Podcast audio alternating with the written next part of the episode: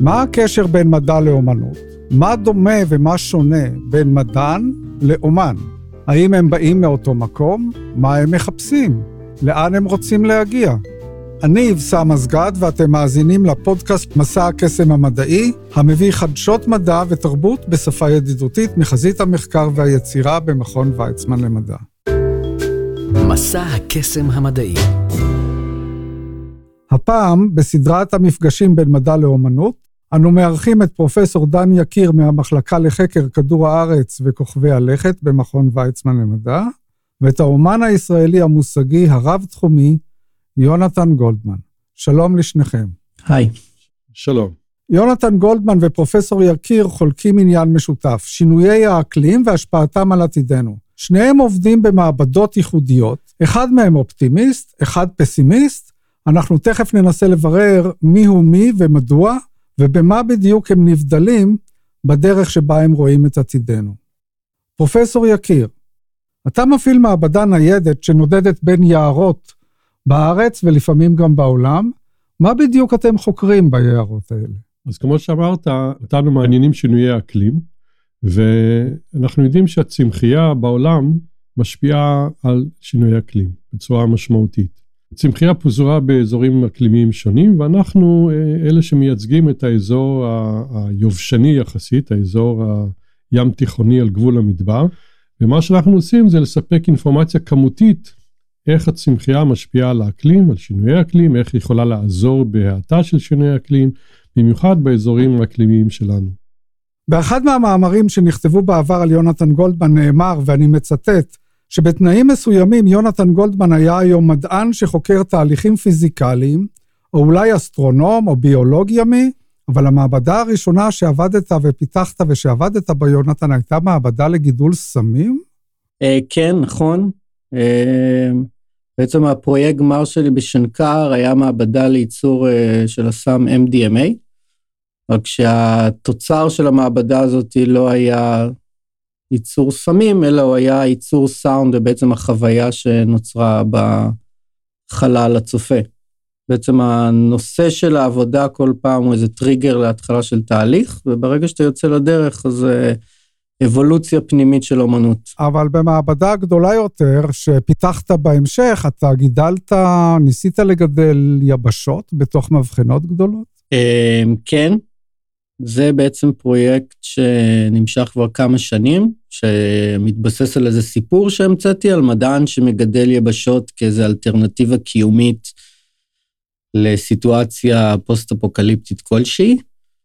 אמ, זה בעצם אמ, מיצב שמדמה את המעבדה הזאת, שבעצם הוא מגדל שם אה, עוברים של יבשות שיוכלו להתפתח למימד, גלקסיה, יבשת, רעיון קונספטואלי כלשהו שאפשר להתחיל בו אבולוציה מחדש מנקודה תבונתית גבוהה יותר. למשל, שיהיה לנו מדרך כף רגל אחרי שהתחממות האקלים תגרום לעליית פני הים והיא תציף את היבשות הקיימות שלנו היום? לדוגמה, כן. כשאני חושב על זה, סיבה לתרחיש אפוקליפטי, יש כל מיני סיבות. אם אני חושב על המרכזיות שביניהם, זה באמת איזה שינוי אקלימי או אסון טבע.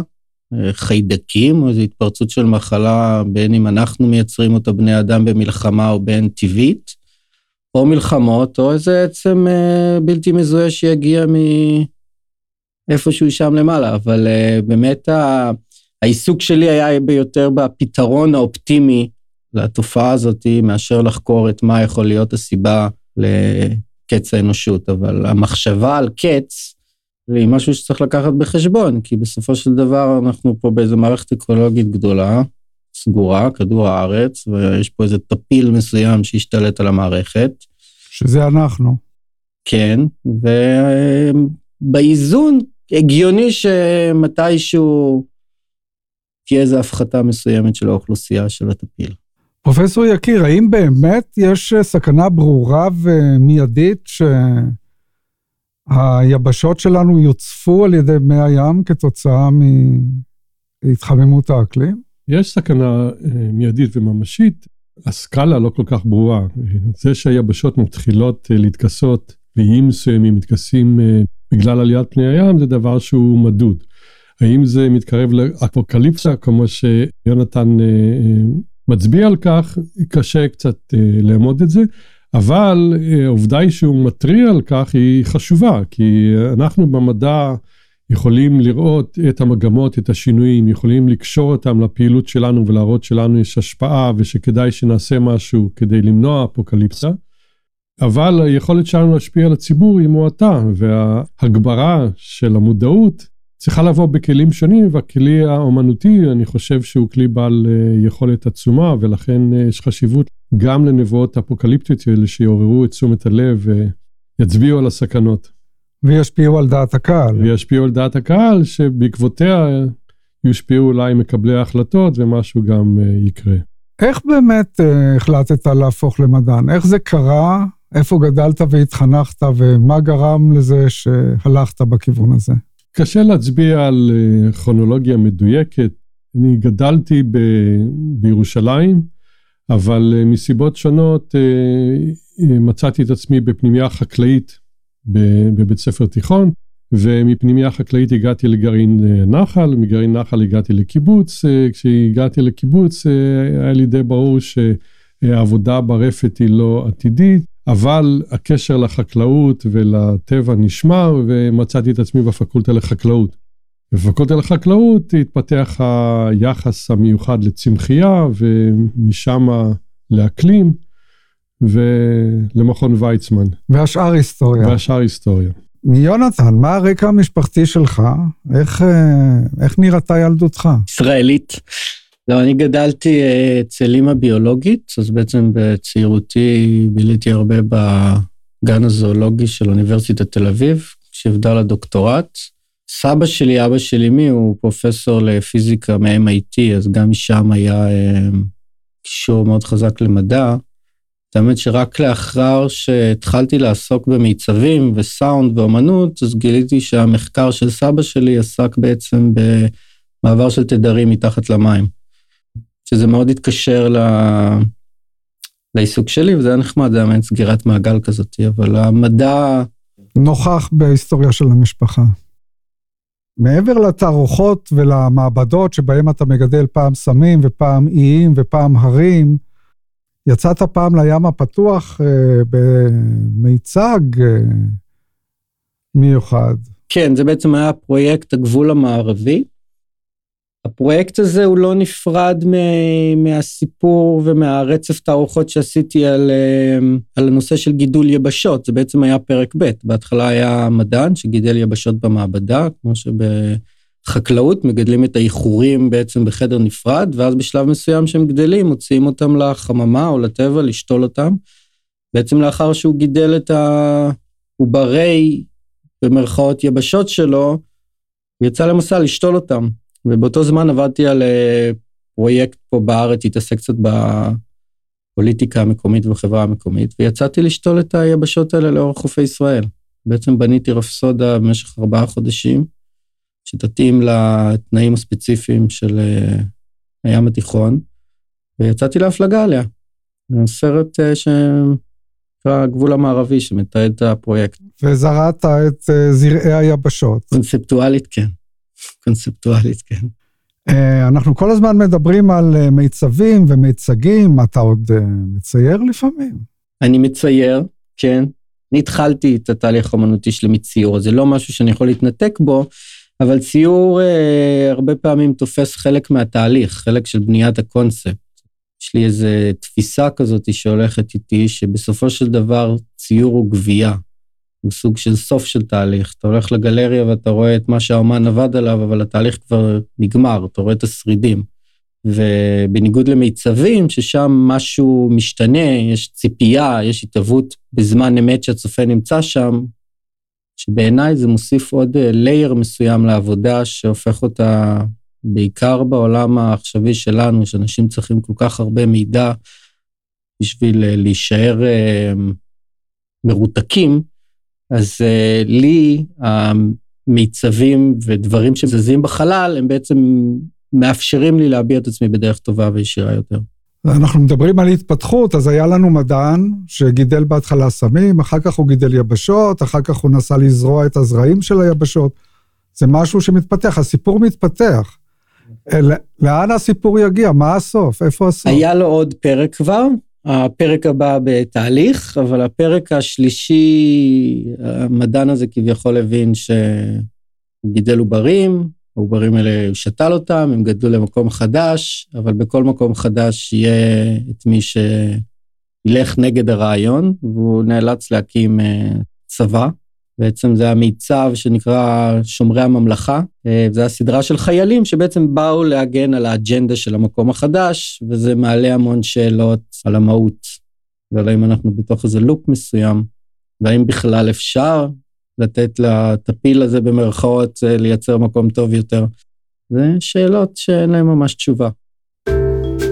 מסע הקסם המדעי.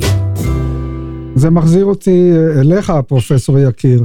האם אנחנו יכולים אה, לחשוב על איזושהי דרך לשנות את הסוף הבלתי נמנע? אנחנו יכולים להשפיע על סוף הסיפור, למנוע את ההתחממות? כן, אנחנו יכולים להשפיע לפחות על חלקנו בהתחממות בשינוי הגלובלי, ובאמת, אה, אם בעזרת האומנים ואנשי ציבור שונים, המסר המדעי יקבל מספיק תנופה ומספיק אה, השפעה, אז אפשר לעצור את התהליכים, להאט אותם ולמנוע חלק אה, מהשינויים האלה.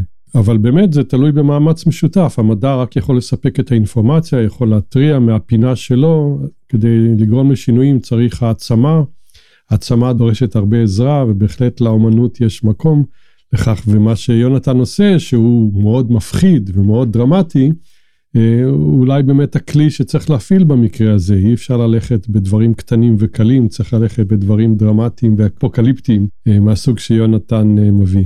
אפשר עוד להוסיף גם שמה שיונתן, שאתה קורא לו הצד הפסימי, הוא בעצם מורכב יותר, לפחות איך שאני רואה את העבודה של יונתן, כי זה שהוא שותל הרים ויבשות שצפים במים, זה אומר שהוא מוצא דרך להתמודד עם השינויים. אז היבשות יוצפו ויהיו לנו יבשות אה, חדשות אה, צפות. אני חושב שזה חלק מה geo-engineering שמדברים עליו, אז יש שם מקום לאופטימיות.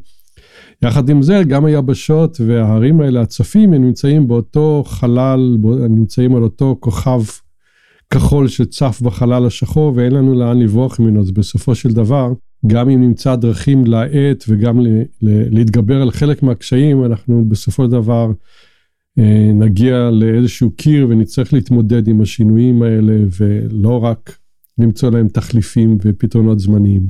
אתה הרי חוקר יערות, ואת השפעתם על האקלים, והנטייה הרווחת היא לחשוב שיערות הם בדרך כלל תורמים לקירור או להאטת החימום של האקלים. האם זה תמיד נכון? איך בדיוק מודדים את הדבר הזה? שאלה מצוינת, כי בדרך כלל יש הפשטה של התהליך, ומה שאנחנו מראים שהוא הרבה יותר אה, מורכב. זה נכון שצמחים קודם כל קולטים פחמן דו-חמצני מהאטמוספירה, גז חממה חשוב שכולם מדברים עליו, ולכן הם, אה, יש להם השפעה מקררת, אבל הסיפור הרבה יותר מורכב. לדוגמה, אם אתה נוטע יער שחור על מדבר לבן, היער השחור קולט הרבה קרינה ומחמם בלי קשר לכמות הפחמן הדו-חמצני שהוא קולט מהאטמוספירה. באפקטים האלה צריך לכמת אותם. אז זה נכון שהיערות בעולם יכולים להאט את התחממות, הם יכולים לעזור לנו, הם יכולים לקנות לנו קצת זמן עד שיונתן יבנה לנו את היבשות ויציף את הערים, אבל הציפייה מהצמחייה היא לא יכולה להיות uh, בלתי מוגבלת, גם כי היכולת שלנו להרחיב את העיירות מוגבל, וגם בגלל המורכבות ש, של התהליכים האלה, שאומרת שזה לא רק קירור, שבמקרים מסוימים זה יכול אפילו להביא להתחממות, במקרים אחרים אנחנו צריכים לאזן את שני האפקטים, והאפקט הנטו הוא הרבה יותר קטן ממה שחשבנו. האם זה יהיה תמיד נכון אה, באזורים שהם על גבול המדבר, לטעת עוד ועוד יערות? זה, זה יעזור? האם אפשר לתת הנחיה כזאת לאנשים שרוצים לתרום להאטת התחממות האקלים? באופן עקרוני כן, איפה שניטע יערות זה יכול לעזור. מכיוון שיש אפקטים נוספים, אפשר להסתכל על זה ככה, יש תמיד איזשהו מס שאנחנו צריכים לשלם. אז אם ניטע יערות באזור מדברי, המס השולי הוא יחסית גבוה. כי כשאנחנו משחירים מדבר לבן, אפקט האלבדו, כמו שאנחנו קוראים לו, הוא מאוד חזק, ולכן נצטרך לצבור פחמן במשך הרבה שנים עד שנתגבר אל אפקט האלבדו. באזורים אחרים, המס השולי יותר נמוך, ויכול להיות שהאפקט יהיה יותר יעיל, אבל בשני המקרים יהיה כדאי לטעת יערות. במקרה המדברי, כדאי לדאוג שהם יחזיקו מעמד הרבה זמן, במקרים אחרים צריך להתאפק פחות זמן. כן. באיזה עולם לדעתך ניפגש כאן בעוד עשר שנים להקלטת הפרק הבא של השיחה הזאת? באופן כללי, ההיסטוריה מראה שהאנושות ידעה להתעורר אה, בזמן כאשר אה, קרו אסונות, או כאשר היינו על סף אה, אסונות, וחלק מהנבואות השחורות, גם של מדענים ידועים, לא תמיד התגשמו, כך שכמו שהצגת בהתחלה, אני אופטימי בסיפור הזה. אני חושב שניפגש בעוד עשר שנים והמצב לא יהיה כל כך גרוע. ובמיוחד שאם המצב יחמיר, אז יש לנו את ה... יש אלטרנטיבה. יש אלטרנטיבה שיונתן מציע, אז יש תקווה גם בכיוון הזה. יונתן, איפה אתה רואה את עצמך ואת היצירה שלך בעוד uh, עשר שנים, כאשר ניפגש כאן להקלטת הפרק הבא של השיחה הזאת? אני חושב שמאופן התהליך האומנותי שלי, קשה לי לדעת איפה אני אהיה שנה הבאה, שלא לדבר על עוד עשר שנים. אני מקווה שאני אגיע לשיח הזה על אופנוע מעופף ולא ברכב שלי. חשמלי. כן, אני חושב על משהו מיקס בין חשמל למנועי סילון, אלא אם נצליח לחבר את החשמל לסילון, אבל uh, שאלה מעניינת. המין האנושי ובני אדם, נראה לי, אחת הסגולות שלהם זה היכולת אדפטציה. אז אני מאמין שבכל סיטואציה שהיא, בסופו של דבר אנחנו uh, נמצא דרך לשרוד, גם אם זה לריב על דלי מים. Uh, ובואו נקווה לטוב. לפחות חלק מאיתנו ישרדו. אני חושב שהוא יגיע על אופנוע הסילון שלו ישר מההר הצף ברחבי הים התיכון. ששם יהיה הווילה המוקפת גנים. פרופסור דן יקיר, יונתן גולדמן, נדמה לי שאפשר לסכם ולומר שמן הראוי להתכונן לרע ביותר ולקוות לטוב ביותר. תודה לכם על השיחה המעניינת הזאת. תודה רבה. תודה רבה. עד כאן להפעם. דברו איתנו דרך הפייסבוק או הטוויטר של מכון ויצמן למדע. אני אבסם אסגד. תודה לעומר סנש ולעידו קינן על ההפקה. להשתמע בפעם הבאה. מסע הקסם המדעי